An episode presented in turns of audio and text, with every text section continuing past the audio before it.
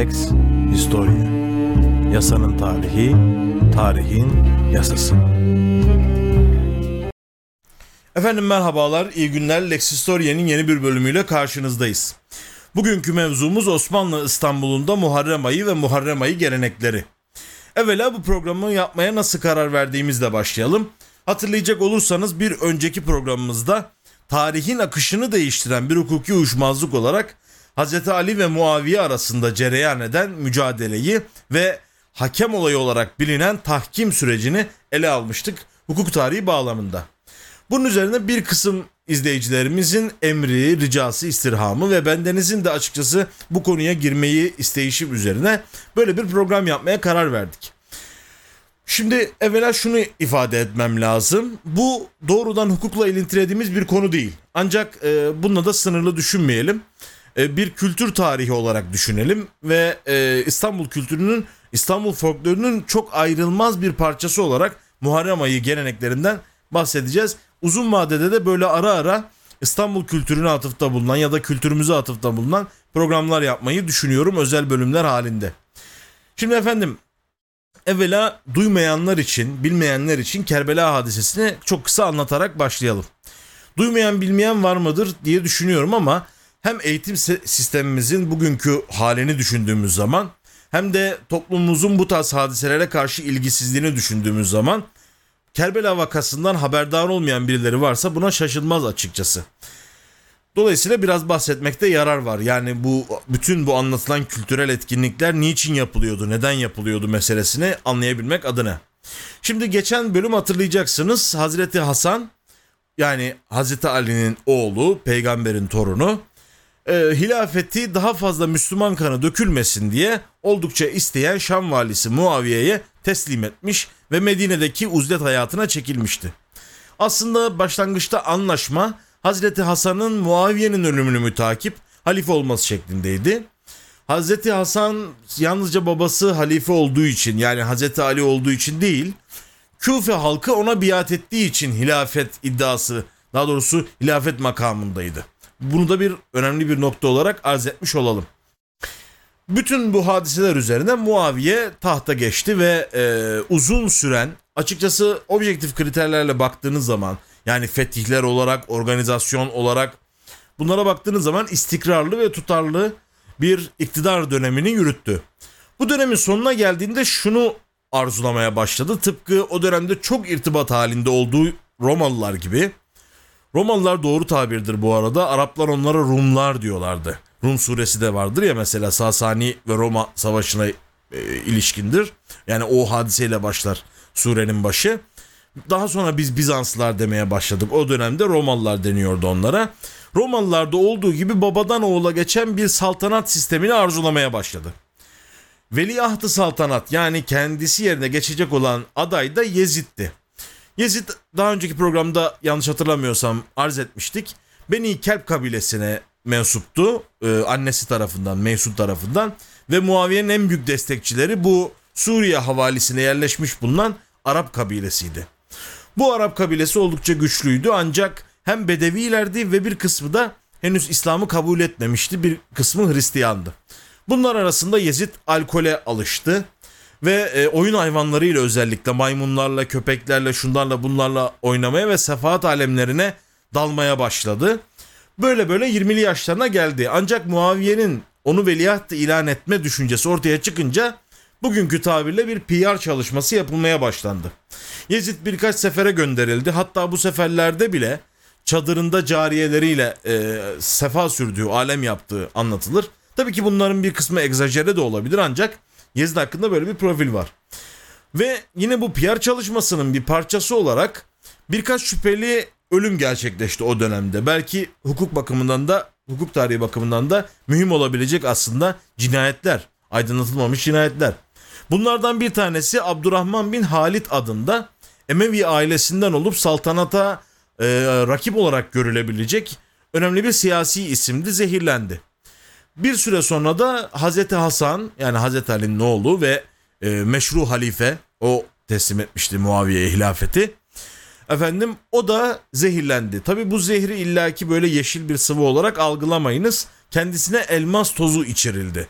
Böylece ciğerleri parçalandı. Bu suretle de vefat etti. Hatta ve hatta cenazesinin peygamberin yanına e, defnedilmesine bile müsaade edilmedi. Bir rivayete göre tabutu oklandı ki benim bir önceki programda kullandığım kapak fotoğrafı bunu gösteriyordu. Ve Cennetül Baki mezarlığına defnolundu. Tabi bu zehirlenme yaşanmış mıdır? Bunu kim organize etmiştir? Bunlar tartışmalı mevzular. Yani e, Hazreti Hasan'ın karısı olan Cade'nin bu işi yaptığı ve Muaviye'nin teşvikiyle yaptığı gibi e, iddialar var. Yani böyle olsa şaşılmaz ama bunun detayına girmiyorum. Hazreti Hasan da vefat edince Yezid'in önünde şöyle rakipler kaldı. Şimdi sahabeden çoğu kişi alemi cemale göçmüştü eski tabirle yani vefat etmişti. Kimler kalmıştı? Sahabenin oğulları. Yani Peygamber Efendimiz'i işte çocukken görenler falan kalmıştı. Bunlar kimlerdi? Mesela Abdullah İbni Ömer, Hazreti Ömer'in oğlu. Abdullah İbni Abbas, Hazreti Abbas'ın, Peygamber Efendimiz'in amcasının oğlu. Abdullah İbni Zübeyir, meşhur aşere-i mübeşşereden yani yaşarken cennetle müjdelenmiş 10 kişiden birinin oğlu Abdullah İbni Zübeyir ve Hüseyin bin Ali yani Hazreti Ali'nin oğlu Hazreti Hüseyin kalmıştı. Bunun üzerine Muaviye bunlarla bir görüşme gerçekleştirdi Medine'de ve dedi ki ben oğlumu veliaht ilan etmek istiyorum. Bunun üzerine tarihçiler şöyle bir kayıt düşüyorlar. Bu 4-5 kişi yani sahabenin çocukları mevkiinde olanlar dediler ki bu senin anlattığın Herakliye'dir. Bizde böyle bir usul yoktur. Bakın çok önemli. Bizans İmparatoru Heraklius'a atıfla bu senin dediğin Herakliye'dir saltanat dediğin. Yani bizde böyle bir usul yoktur. Kim toplumun büyük rızasını kazanırsa ve kim biatları toplayabilirse o halife olur. Geleneksel İslam anlatısına göre. Muaviye bunu sistematik bir hale getirmek, bir veliahtlık sistemi kurmak istiyordu. Bu konuda e, bir avantaj yakalayamadı ve bu mevzuda askıda kaldı ve Muaviye öldü. Muaviye'nin ölümünü mütakip oğlu Yezid Şam'da hilafetini ilan etti ve biat toplamaya başladı insanlardan. Özellikle babası da kendisine vasiyet etmişti. Yani bu benim ziyarete gittiğim kişilerin biatını al. Onların biatını alırsan bu iş çok kolaydır. Bunun üzerine Mekke'ye Velid bin Utbe olması lazım. Onu gönderdi. Ve Hazreti Hüseyin'den ve bu diğer saydığımız isimlerden biat almak istediler. Gizlice hatta biat almak istediler. Ee, Hazreti Hüseyin ve bu diğer büyük isimler dediler ki bizim gizlice biat etmemiz yakışık almaz. Yarın bakalım yarın ola hayrola ne olur görürüz gibilerinden muallakta bırakıp meseleyi geçiştirdiler ve bir gece vakti Mekke'ye doğru hicret ettiler. Kaçtılar diye. Pardon. Bunun üzerine Mekke'de bir savunma hattı oluştu Yezid'e karşı. Yani Yezid muhalifleri Mekke'de toplandılar. Bu sırada Küfe'den yani Hazreti Ali'nin hilafet başkentinden Hazreti Hüseyin'e mektuplar yağıyordu. Gel bizi kurtar bunlardan. İşte e, burada çok güçlüyüz, çok kalabalığız vesaire. Bu mektuplar üzerine Hazreti Hüseyin Küfe'ye gitmeye karar verdi. Niyeti savaşmak değildi, doğrudan Küfe'ye gidecekti, biatları toplayacaktı ve böylece Küfe'de yeni bir hilafet merkezi kurmuş ol- olacaktı. Ancak bütün hem bu saydığımız isimler hem de akrabaları Hazreti Hüseyin'e gitmemesi gerektiğini, Küfelilerin daha önceden Hazreti Ali ve Hazreti Hasan'ı yüzüstü bıraktıkları gibi uyarılarda bulundularsa da Hazreti Hüseyin oradaki insanların gerçekten zulüm tehdidi altında olduğunu hissettiğini ve bu kadar insanın çağrılarına e, çağrılarını cevapsız bırakamayacağını söyleyerek Kerbela mevkine doğru yola çıktı. Hatta hac mevsimiydi yani hicri ayların sonuncusu olan Zilhicce ayındaydı ve Arafat'a çıkılmamıştı henüz yani Kurban Bayramı'nın Arefe günü oluyor. E, Arafat'a çıkılmamıştı yani hac menasiki dediğimiz hac kuralları, hac farzlarını tamamlamadan yola çıktı Hazreti Hüseyin. Yolda şair Ferazdak'la karşılaştı. Şair Ferazdak da onu uyardı. Dedi ki Küfelilerin kalpleri senden yana olsa da kılıçları Yezid'den yanadır dedi. Ancak bütün bunları Hazreti Hüseyin dinlemedi. Çünkü orada bir e, hareket olduğunu hissediyordu. Bir akrabasını Müslim bin Akil'i göndermişti daha evvelden önce olması için. Müslim bin Akil'i şimdi detaylarına girmeyeceğim. Çok uzun bir vaka. Yani bu vakanın detaylarını anlatsam belki 3-4 saatte bitiremem. Dolayısıyla özetlemeye gayret ediyorum. Müslim bin Akil yani Hazreti Hüseyin'in öncüleri hep şehit edildiler ve onların şehadet haberleri Hazreti Hüseyin'e Kerbela yolu üzerinde geldi. Bunun üzerine Hazreti Hüseyin Müslim bin Akil'in çocuklarına dedi ki yani ne yapalım? Onlar da dediler ki siz dönebilirsiniz ancak biz Müslim'in babamızın intikamını almadan artık dönemeyiz bir şeyler yapmamız lazım. Bunun üzerine Hazreti Hüseyin madem sizi yola ben çıkardım haydi bakalım Küfe'ye ulaşmaya gayret edelim dedi. Ancak yolda Hur bin Yezid Er-Riyahi bu Yezid başka Yezid ama bu Şam valisi değil. Onun ordusu tarafından yakalandılar ve e, bugün Kerbela adını verdiğimiz Ninova bölgesinde aslında çöl olmayan herkes Kerbela çölü diyebilir ama çok yakınında bugün Google haritalardan bakarsanız bir nehir ve bir göl vardır. Yani suya çok uzak değildir Kerbela. O mevkiye getirildiler ve o mevkide e, develer çöktü, çadırlar kuruldu. Çok detayları var. Aslında yani yani girmek istemiyorum ama İbni Sa'd adı verilen bir kumandan ki Sa'd bin Ebi Vakkas'ın peygamberin sahabelerinden birinin oğluydu. Ee, İbni Sa'd adı verilen kumandan ve İbni Ziyad adı verilen vali. Bu bir önceki programda babasının oğlu Ziyad dedik ya Ziyad bin Ebihi. Onun oğlu oluyor bu. Ondan sonra onlar tarafından kuşatıldı ve 10 Muharrem günü şehit edildi. Bu esnada şunu da söylemem lazım. Hur bin Yezid Er-Riyahi e, Hazreti Hüseyin'in bu mücadelesini görünce ki Hazreti Hüseyin'in amacı savaşmak değildi. Bunu tekrar ediyorum. Çünkü Hazreti Hüseyin karşı orduya şöyle tekliflerde bulundu. Beni bırakın Medine'ye döneyim. Beni bırakın Küfe'ye gideyim. Beni götürün Şam'a Yezid'le görüşeyim. Ya da madem benden bu kadar korkuyorsunuz yani size karşı ayaklanmamdan beni e, bir uç boyuna bir serhadde gönderin orada savaşırken şehit olayım dedi. Ancak bu teklifler kabul edilmedi Yezid'in ordusu tarafından ve e, bu hali görünce Hur bin Yezid Er-Riyahi çok ufak bir müfreziyle Hazreti Hüseyin'e destek verdi. Ancak bu destek tabii ki çok cüzi kaldı. Tarihçilerin verdiği rakamlara göre Hazreti Hüseyin yaklaşık 100 küsur civarında kişiyle orada bulunuyordu. Ancak karşısındaki ordunun sayısı 4000'lere kadar çıkmıştı ve e, peygamberin torunları, çocukları orada katledildi. Bütün aile. E, yalnızca Hazreti Hüseyin'in o sırada hasta olduğu için çadırından çıkamayan oğlu Zeynel Abidin bin Ali hayatta kalabildi ve Ehli Beyt'in kadınları hayatta kalabildi. Bugün dünyanın her yerindeki seyitlerde zaten bu soy üzerinden gelmektedir. Çok acıklı, çok üzücü bir hadisedir bu.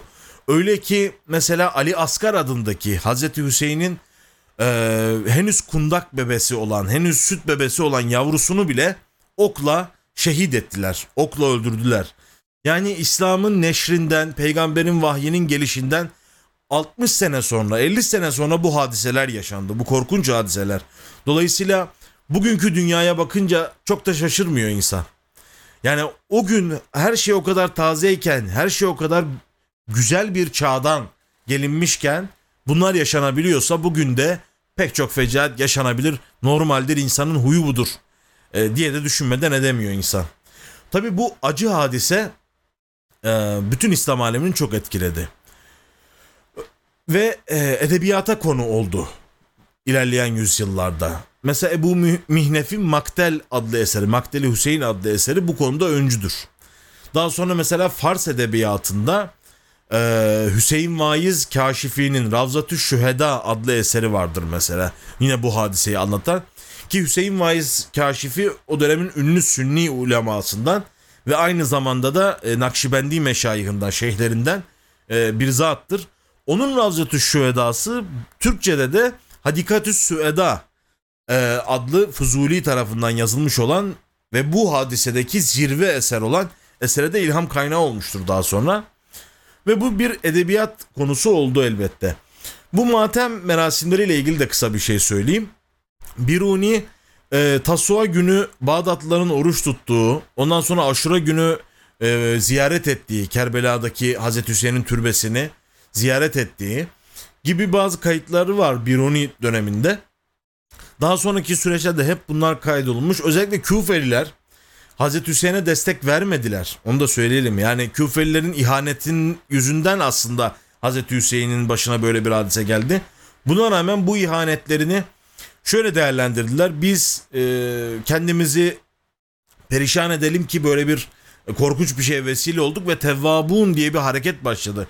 Tövbe edenler diye. Bunlar kendilerini e, darp ediyorlardı. Bu Kerbela vakasının yıl dönümünde ve Yezid'e karşı da bir teşkilat oluşturdular. Muhtares Sakafi adındaki bir liderle büyük Emevi büyüklerinin e, suikastlerinin öldürülmesinin aracısı oldular o dönemde. Böyle bir aslında matem meselesinin özellikle Irak'taki ve İran'daki matemin böyle kökenleri vardır. Tabii ki yani kültürü bağımsız düşünmemek lazım. Ee, yani bir dine geçtiğiniz zaman kültür yok olmuyor. Dolayısıyla matem gelenekleri takip edilmiş. Mesela yine Irak'ta e, Tanrı Temmuz'un vefatına ilişkin olarak insanların sokakta kendilerini kırbaçladığına dair e, Akat döneminde ve sonraki dönemlerde kayıtlar var. Dolayısıyla bu davranış biçimi olarak e, belli kültürel göndermeleri elbette vardır. Ancak böyle bir tarihi arka plana dayanıyor.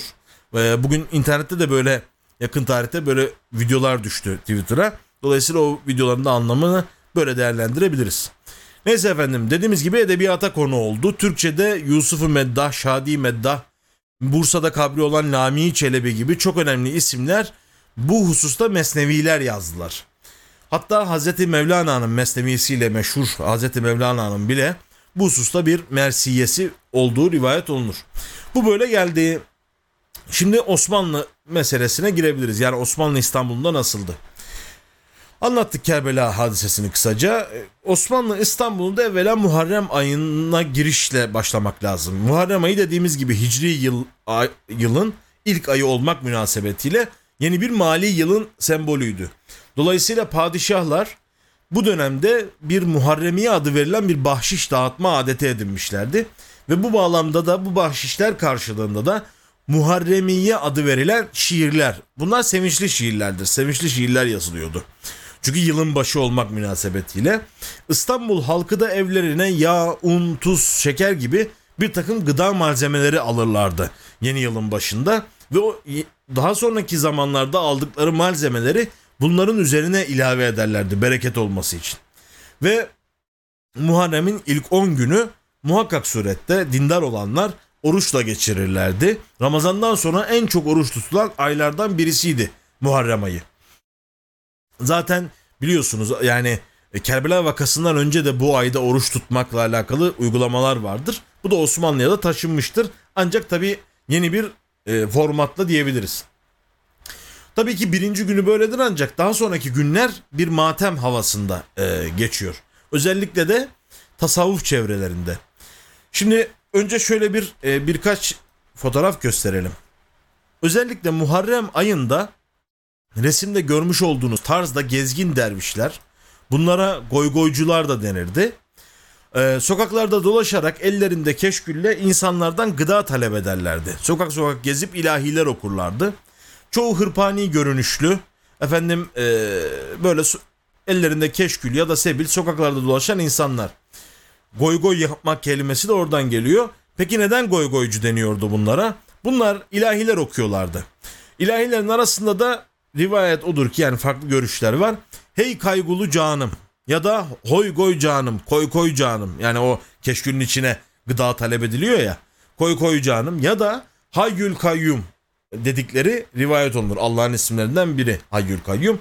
Ondan sonra bu tarz söyledikleri laflar halk ağzında goy goy canım, efendim e, hayyül kayyum ya da goy goy gibi anlaşıldı ve goygoycular geldi, goygoycular gitti gibi bir tabir oluşmaya başladı. Bunlar e, özellikle aşurelik malzeme topluyorlardı keşküllerin içerisine ve 10 Muharrem günü geldiğinde bir araya gelerek bir aşure kaynatıyorlardı. Dolayısıyla aşurenin bu kadar çeşitli bir gıda olmasında belki yani çeşitli malzemelerin kullanıldığı bir gıda olmasında belki goygoycuların da e, bir tesiri olmuştur. Bunlar yalnız Muharrem'de dolaşmıyorlardı aslında. Gezgin ilahi okuyan dervişler İstanbul'un önemli renklerinden birisiydi. Ve bunların ilahi okuma tarzı e, goygoy tarzı, goygoy tavrı olarak bilinirdi. Mesela çok meşhur hepimizin belki çocukken duyduğu bir ilahidir o değil mi? Çol cennetin ırmakları akar Allah deyu deyu. Çıkmış İslam bülbülleri öter Allah deyu deyu. Bunu söyleyerek sokaklarda dolaşırlarmış mesela. Ama Muharrem geldiğinde, Muharrem ayı geldiğinde bilhassa mersiyeler okuyarak sokaklarda dolaşıyorlardı. Enteresan bir anekdot da e, paylaşayım. Yine böyle bir şeyde e, bir goygoycu sokakta dolaşıyor. Bir konağa geliyor ve keşkülü uzatıyor. Adam da diyor ki hanım benim gözlerim görmüyor sen şu tarhanayı koyuver. Kadıncağız da zannediyor ki pişmiş tarhanayı koyacak. Keşkülün üzerine deviriyor tarhana tasını. E tabi daha önceden toplanmış bulgur vesaire malzeme varsa o da tarhanaya bulunuyor. E, ve şey yani bunu şey olsun diye söylerler. Milletin hayrına da mani oldun. Kendin hayır yapmadın. Milletin hayrına da mani olsun diye. Böyle anekdotlara da konu olmuş gezgin dervişler. Muharrem ayının başından itibaren sokaklarda gezmeye başlıyorlardı. Ve İstanbul halkı özellikle tabii ki dindar ve sufi çevreler için daha e, önemli bir meseleydi bu. Evlerindeki aynaları örtülerle kapatıyorlardı. Bu ay içerisinde pek süslenmemek, düğün gibi, nişan gibi, sünnet gibi cemiyetleri, eğlenceli e, ortamları tertip etmemek adeti vardı. Bu ayda böyle bir şey yapmamaya gayret ediyorlardı. Yine bu ayda seyahate çıkmamaya gayret ediyorlardı. Bir parantez içinde söyleyeyim. Bu bilgileri nereden alıyoruz peki? Cemalettin Server Revnakoğlu diye bizim e, İstanbul kültürünü, özellikle de tarikat tasavvuf kültürünü çok güzel anlatan ve bunları derleyen bir kültür insanımız, kültür adamımız vardır. Burada da resmini görüyorsunuz. Esasında aslen kendisi Erzurumlu olmakla birlikte İstanbul kültürüne sonsuz hizmetleri olmuştur. Dolayısıyla onun kayıtlarından da biz bunları takip edebiliyoruz. Yakın zamanda da bunların bir kısmı zaten yayınlandı. Şimdi efendim dediğimiz gibi bu ay bir hüzün içerisinde geçiriliyordu. Düğün dernek yapılmıyordu. Uzun seyahatlere çıkılmıyordu. Ve e, bu ay içerisinde yine enteresan e, davranış biçimlerinden bir tanesi Osmanlı halkı için suyu cam bildur bardaktan içmemekti. Hazreti Hüseyin susuz şehit olduğu için ona bir hürmet saygı beyanında e, su böyle billur bardaktan cam bardaktan içilmezdi. Ya toprakta pişirilmiş toprak kaplardan ya da böyle etrafı bu, buğurlu buharlı kaplardan içilirdi. Ve e, çok su içmemeye de gayret ederlerdi insanlar. Ya da şöyle yapanları da varmış. Ona, ona ilişkin bir şey de okumuştum. Bilakis böyle bol bol su ikram edip sağa sola Hazreti Hüseyin'in ruhuna haydi buyurun su içelim gibilerinden bir şey de varmış yani tam tersi gibi düşünenler de varmış. Ve özellikle bu aylarda su dağıtmak, insanlara su ikram etmek çok önemli görülüyordu. Yine mesela bizim musikimizde çok önemli bir isim vardır. Ee, böyle internette de kayıtları sık sık düşüyor. Hüseyin Sebilci. Hüseyin Sebilci'nin bu Sebilci soyadı aslında okurdur. Ee, resmi kayıtlardaki soyadı ama herkes ona Sebilci Hüseyin demiştir. O da böyle Muharrem ayları geldiğinde kırbaların içine su doldurup insanlara dağıtır. Bir yandan da mersiyeler okurmuş. Abi Mazhar Efendi ile birlikte. Mazhar Efendi'nin hiçbir kaydı yoktur ama Hüseyin Sebilci'nin pek çok kaydını YouTube'dan bile bulabilirsiniz. Böyle özellikle Mersiye okuduğu kayıtları dinlemenizi tavsiye ederim. O nedenle kendisine Sebilci Hüseyin denir. Aslında soyadı değildir yani. Onda da tam bir goy goy tavrı vardır. Goy goycu tavrı vardır. Hani nasıl bir şeydi o sokakta dolaşan goy goycuların mersiyeleri, ilahileri diye düşünürseniz 3 aşağı 5 yukarı o tarzdır. Ee, dediğimiz gibi su dağıtma adeti vardı ve çok önemli bir adet daha vardı. O da aşure bildiğiniz üzere. Artık günümüzde bunlar unutulmaya yüz tuttu. Bazıları aşure pişiriyor ama niye pişirdiğinin farkında değil. Oysa İstanbul'da aşure belli bir zamana, zemine uygun olarak pişirilirdi. Ee, Sümbül Efendi dergahı vardır İstanbul'da. Koca Mustafa Paşa semtinde. Onun resmini de sizlere şöyle göstereyim. Ee, müsaadenizle şöyle. Evet Sümbül Efendi dergahı çok eski İstanbul'un en eski tekkesidir. Bu nedenle de İstanbul'un aslında kıdem bakımından en eski tekkesi olduğu için asitanesi kabul edilir. Yani merkez tekkesi kabul edilir. Ee, Şeyh Cemali Halveti, Şeyh Cemali Halveti, Çelebi Halife diye de bilinen bir Halveti şeyhi İstanbul'a geliyor Fatih döneminde. ikinci Beyazıt döneminde olması lazım. Şimdi yanlış söylemeyeyim. Ve kendisine bu tekke tahsis ediliyor.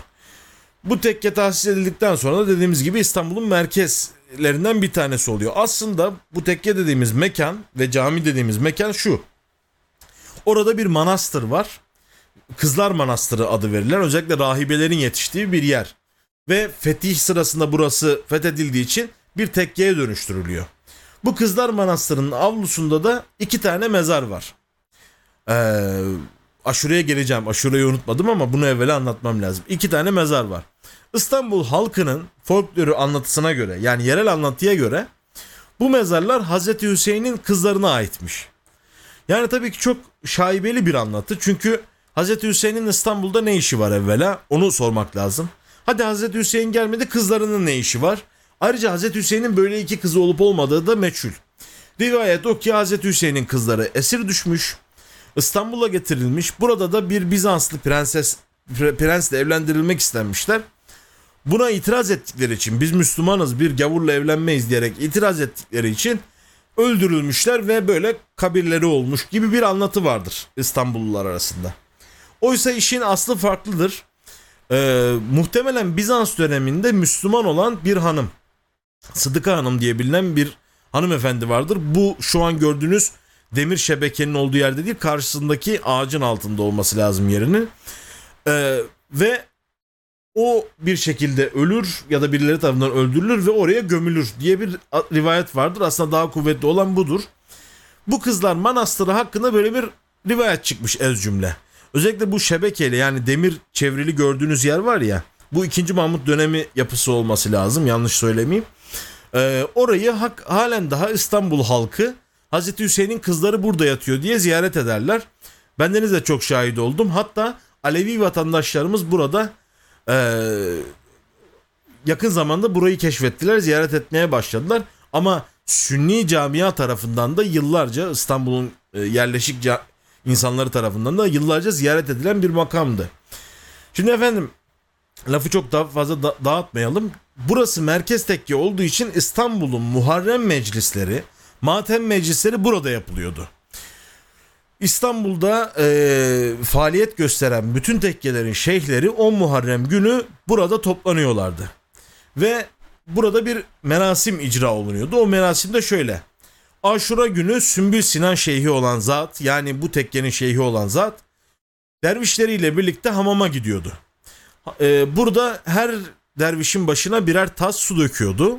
Hazreti Hüseyin aşkına ve öğleye doğru Muharrem vesilesiyle toplanan diğer meşayihla, işte dervişlerle şunlarla bunlarla buluşuyordu. Öğlen namazı vaktinden önce Husama namazı adı verilen bir namaz kılınıyordu. Bu namazın ardından da merasime başlanıyordu. Şimdi bu merasimde çok önemli iki unsur var. Birincisi Sümbüli Salatı adı verilen ve Sümbülilere mahsus bir salavat şekli. Böyle melodilidir. Onun da internette kaydı var. Dinlemenizi tavsiye ederim. Diğeri de Yazıcıoğlu Mersiyesidir.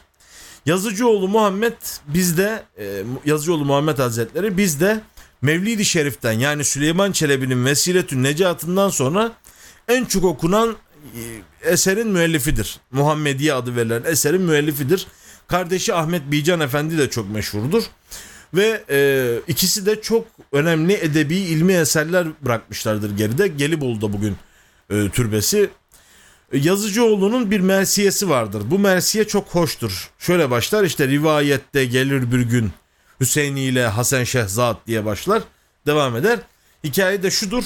Hazreti Peygamber Hazreti Hasan'la Hüseyin'i büyük bir aşk şevkle dede merhametiyle öper. Bu öpüşü gören Allah der ki e, layık mıdır ki benden başkasını bu kadar çok sevesin? Madem öyle sarı donu Hasan giysin, e, kızıl donu da Hüseyin giysin. Don kıyafet demektir eski Türkçe'de. Bu da şuna semboldür. Yani sarı donu Hasan giysin o zehirlenerek suratı sarararak vefat edecek. Kızıl donu da Hüseyin giysin. Yani o da kanlara boyanarak şehit edilecek. Böyle bir alegori ve çok duygusal bir anlatımla Durak adı verilen musiki formuyla okunurdu Yazıcıoğlu Mersiyesi ve bütün Mersiye meclislerinin vazgeçilmez eseriydi. Durak formunu da biz lisedeyken öğretiyorlardı okulda. Geçiyordu yani sırf ilahi durak nefes gibi böyle isim isim geçiyordu. Yıllar sonra öğrendik ne olduğunu. Ee, be, serbest tarzda gibi duran ancak besteli ilahilerdir bunlar. Ve böyle uzun şeylerle şöyle söyleyeyim yani basitleştirerek anlatmaya gayret ediyorum. Musiki tabiri çok kullanmadan. Yani şöyle söyleyeyim serbest gibi gelen, kaside gibi, gazel gibi gelen kulağa ancak belli bir bestesi olan eser büyük formlardan bir tanesidir diyebiliriz. Efendim bu okunuyordu. Yazıcıoğlu Mersiyesi okunuyordu. Ardından da bir e, tarikat ayini, zikir adı verilen tarikat ayini yapılıyordu. Merasim yapılıyordu. Ve bu merasim İstanbul'un en ihtiyar, tabii ki eski tabirle en kıdemli şeyhi kimse onun riyasetinde oluyordu. Ve bu riyasetin ardından bu günün gecesinde de yine nafile namazlar kılmak, işte 70 bin kelimeyi tevhid çekmek, hatim sürmek gibi adetler vardı. Fakat bu merasimin ardından Sümbül Efendi dergahının avlusunda insanlar hep beraber toplanıp aşure pişiriyorlardı dualarla. İşte bu dergahta aşure pişmeden İstanbul'da ne bir evde ne bir tekkede aşure pişmiyormuş eskiden. Ona, ona bir saygı yani İstanbul'un en önce geleni sizsiniz. Dolayısıyla biz sizden önce bir şey pişiremeyiz. Bunun bir iki istisnası vardır. Ee, bildiğim kadarıyla Tophane'deki Kadirihane istisnalardan bir tanesi. Ancak umumi kayda budur. Orada pişmeden kimse pişiremez. Tabii buna bazı itirazlar vardır. Bugün Twitter'da da görüyoruz. İşte Kerbela acı bir hadise değil mi? Niye tatlı yapıp şapur şupur yiyorsunuz diye. Bu öyle değildir. Türk kültüründe, Türk ananesinde acıyı tatlıyla izale etmek önemli bir unsurdur. Yani bir vefat hadisesi olduğu zaman ne yaparsınız? Hemen bir helva kavurursunuz. İşte kokusu ölüye gitsin derler hatta. Değil mi? Yani o acı hadiseyi bir tatlıyla gidermek istersiniz. Aşure böyle bir şeydir. Ayrıca insanlara ikram vesilesidir. Ve her daim Hz. Hüseyin'in ruhuna pişirilen bir şeydir. Ee, bu geleneği bilenler için. Ve pişirilmesi de bir merasimdir. Aşureler böyle büyük kazanlarda pişirilirmiş eskiden ve büyük tahta kaşıklarla ezilmek suretiyle. Yaklaşık 7-8 saate varan e, pişirme süreleri vardır burada. Ezile ezile pişirilir. Ve aslında geleneksel aşure, klasik aşure, süzme aşure adı verilen bugün aşure formundadır. Bunu da nereden biliyoruz? Onu da size bir fotoğrafını ben göstereyim. Bakın şöyle. Evet. Bu aşurelik böyle e, Paşa Bahçe gibi firmalar falan da böyle bu tarz şeyler ürettiği zaman aşurelik yazıyorlar üzerlerine anlam veremiyorsunuzdur muhtemelen. Bu aşure biraz sıvı bir aşureydi eskiden gelen aşure. Çok fazla kaynatıldığı ve ezildiği için nitekim Sermet Muhtar Alüs da anlatıyor bunu. Bir gece boyunca biz onu kaynattık diyor yani e, buğdayı iyice ezilsin diye. E, ve bu böyle sürahilerin içine doldurulup üzeri meyvelerle süslenen bir e, gıdaydı. Pirinç olduğu için nişastalı bir ürün ya da ararot da kullanılabilir. O katılaşır. Katılaşınca üzerine siz meyveyi dizdiğiniz zaman durur. Böyle sütlaç kıvamında bir şey olur. Ee, bu bizim bugün evlerde yapılan aşure bundan biraz daha farklıdır. Bu da tabii eskiden beri yapılır ama tabii o zamanlar hem imkan olarak daha fazla kaynatma imkanı süreler bakımından mümkün. Daha harlı ateş, odun ateşi kullanma imkanı var. Bir de malzeme olarak az malzeme var aslında. Aşurenin orijinalinde. Bugün içine biz kuru incir atıyoruz, kuru kayısı atıyoruz. Hatta işte bazıları portakal rendeleyen var. Herkes bir orijinal bir şey yapıyor kendince. O dönemde bu kadar imkan olmadığı için en temel gıda maddeleri neyse. Bu goygoycuları hatırlayınız. İşte keşkünün içine ne giriyorsa buğday mı, nohut mu, fasulye mi? Ne varsa onlarla yapılan bir ürün aslında bu. Ve birliği sembolize ediyor. Bütün o gıdalar eriyerek bir unsur haline geliyorlar. Burada da çok güzel bir aslında sembolizm var.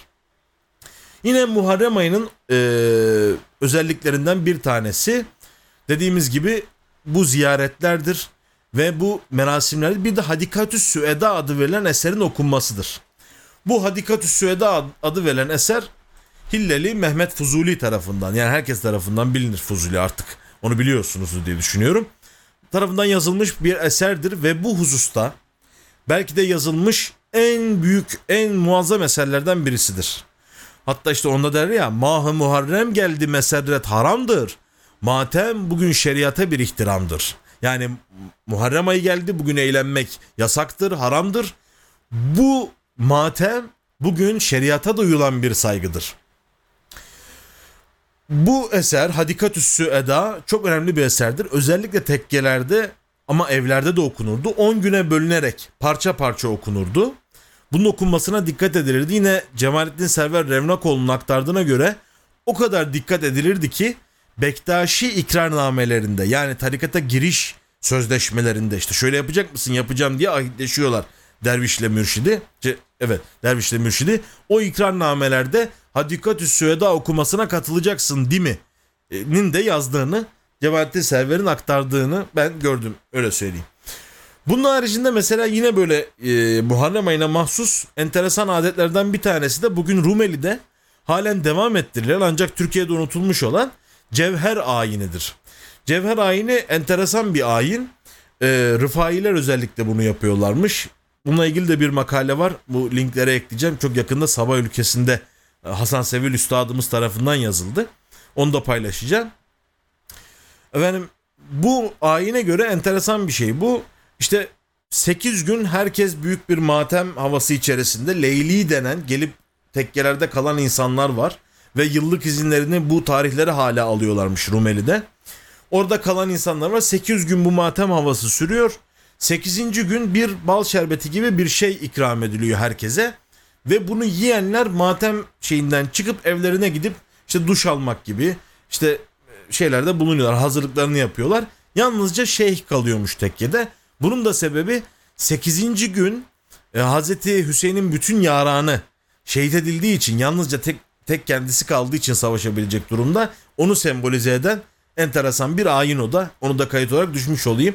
Ha yine İstanbul adetlerinden bir başkası Muharrem ayının 7. günü hani bu az evvel dedik ya Hur taraf değiştirdi ve Hazreti Hüseyin'in tarafında savaşarak şehit oldu bu haksızlığı görünce diye. Onun ruhuna onun şehit olduğu 7. günde helva kavurmak ve ikram etmek de İstanbul adetleri arasındaydı. Yine bu ayda siyah kıyafetler giyilirdi. Özellikle tarikatların buna uygun bazı işte kızıl taçları, kızıl takkeleri kullandıkları biliniyor. Ve dahası saç sakal tıraşı olmama, işte güzel kıyafetler giyinmeme gibi de alışkanlıkların olduğu biliniyor. Buna tabii ki Osmanlı Sarayı da dahildir. Osmanlı Sarayı da bu merasimlere katılmıştır. Mesela Pertevniyel Valide Sultan'ın 1800 neyse şimdi tarihini uydurmayayım hatırlamıyorum.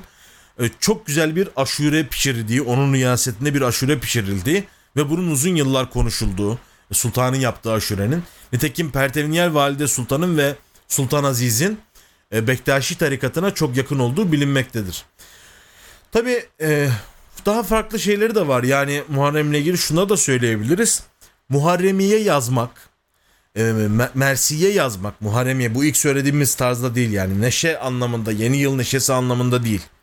Matem e, metni olarak Muharremiye yazmak da önemli bir gelenekti. Mesela Şeref Hanım adındaki büyük şairimiz her sene bir Muharremiye yazmaya ahdetmişti ve toplam 16 tane kendisinin Muharremiyesi var. Demek ki bu ahdinden itibaren 16 yıl boyunca yaşamış ve Muharremiyeler yazmış. Yine mesela çok meşhur Muharremiyelerden bir tanesi. E, bu hatta Alevi vatandaşlarımız tarafından da bilinir. Hatta hatta Sabahat Akkiraz bile okudu bunu. Düştü Hüseyin atından Sahra-i Kerbela'ya. Cibril varıp haber ver sultana enbiyaya nakaratıyla gider. Başı da şöyledir. Zalimler el vurup hep şemşiri can rübaya. Kastettiler serapa evladı Mustafa'ya diye başlar. Bu da Koniçeli Kazım Paşa'ya aittir mesela. Bunu maalesef yanlış biliyorlar. Kazım Baba diye başka birine atfediyorlar. Bu Koniçeli Kazım Paşa'dır. E, bunun yazarı kendisi Nakşibendidir ve e, önemli devlet ricalinden biridir Koniçeli Kazım Paşa. Yine mesela Abidanı Mustafa'yız biz Hüseyinilerdeniz. Can fedayı Kerbela'yız biz Hüseyinilerdeniz. İşte e, Tiri Tanı Zahide kıldık hedef biz sinemiz. Can fedayı Kerbela'yız biz Hüseyinilerdeniz. E, son kıtası da şöyledir bir başka Mersiye bu. E, Kıl şefa Aa, özür dilerim. Bu evet Hilmi dedenin, Hilmi dedenindir ve bir de şey vardır. E, Kıl şefaat Arife Ceddim Muhammed aşkına arsayı mahşerde makbul recasın ya Hüseyin gibi böyle güzel mersiyeler vardır. Bu sonuncu söylediğimde Ketüdazade ya da Kahyazade diye bilinen Arif Efendi'ye aittir. O da mesela Osmanlı devlet ricalinde önemli vazifelerde bulunmuş bir kimsedir. Ee, büyük bir ehlibeyt aşığı olduğu biliniyor. Hatta bu yüzden bu Bektaşiler biliyorsunuz 2. Mahmut döneminde Yeniçeri Ocağı seddolundu ve Bektaşiler hakkında büyük bir takibat başlamıştı. Bu takibatta böyle biraz ehlibeyt e, muhabbeti olan, böyle bu tarz konularda biraz daha böyle e, neşesini ortaya koyan insanları da soru işaretiyle takip ediyorlardı. Bu gizli Bektaşi olabilir mi? Oysa bu sadece Bektaşilere mahsus bir şey değil tabii ki. Örneklerini biraz önce saydım. Efendim e, bu takibat sırasında bir şey dikkati çekti. Beşiktaş İlmiye Cemiyeti. E, bu Beşiktaş İlmiye Cemiyeti Ferruh Efendi diye İsmail Ferruh Efendi diye bir zatın konağında toplanıyordu. Ve bizim meşhur tarihçi Şanizade'nin bile devam ettiği bir meclisti bu. Burada ilmi sohbetler yapılıyordu. Bu meclislerin önemli müdavimlerinden bir tanesi Ketüdazade Arif Efendi'ydi. Bu Arif Efendi'nin bu az evvel bir beytini okudum. Karıştırdım başta ama bir beytini okuyabildim nihayet sonunda. O mersiyesi başı da şöyledir. Kurretül ayni Habibi Kibriyasın ya Hüseyin diye başlar. Efendim bu e, Mersiye'yi yazan zat bu şeyde Sümbül Sinan dergahındaki merasime katılır ve bir direğin arkasına geçer orada otururmuş. Ya efendim devlet ricalindensiniz buyurun falan gibilerin asla kabul etmez bir köşede gözyaşı döker ve Hadikatü Süeda okumasına katiyen katılmazmış. Kendisine sorarlarmış ya niye katılmıyorsunuz işte ne güzel Hadikatü Süeda okunuyor. Efendim yüreğim kaldırmıyor yoksa katılacağım diye cevap verirmiş. Böyle de önemli isimler geçmiştir yani bizim tarihimizden. Yine düşünüyorum mesela mersiyeleriyle meşhur kim var? Ee, Oktay Rıfat vardır birinci yeni şairlerimizden biliyorsunuz Orhan Veli ile çağdaş. Onun babası Samih Rıfat. Onun çok güzel bir mersiyesi vardır. Bir kıtasını aktarayım. Ne mümkün sevmemek Samih Hüseyin'i. Kabul etmez gönül hiç öyle şeyini. Rasuli Ekrem'in kurretül ayni muazzezdir benim için enbiyadan diyor. Yani diyor ki ne mümkün sevmemek Sami Hüseyin'i gönül böyle bir şey kabul etmez. Peygamberin gözünün nuru dediği, gözümün nuru dediği Hazreti Hüseyin bana göre enbiyalardan bile yüce bir zattır gibi böyle dehşetli bir mersiye yazmış. Yine Merdivenköy Bektaşi dergahı Şeyhi Hilmi Dede Baba'nın e, az evvel yarısını okudum karıştırıp Abidanı Mustafa İzbis Hüseyinilerdeniz. O da çok okunan mersiyelerden bir tanesidir.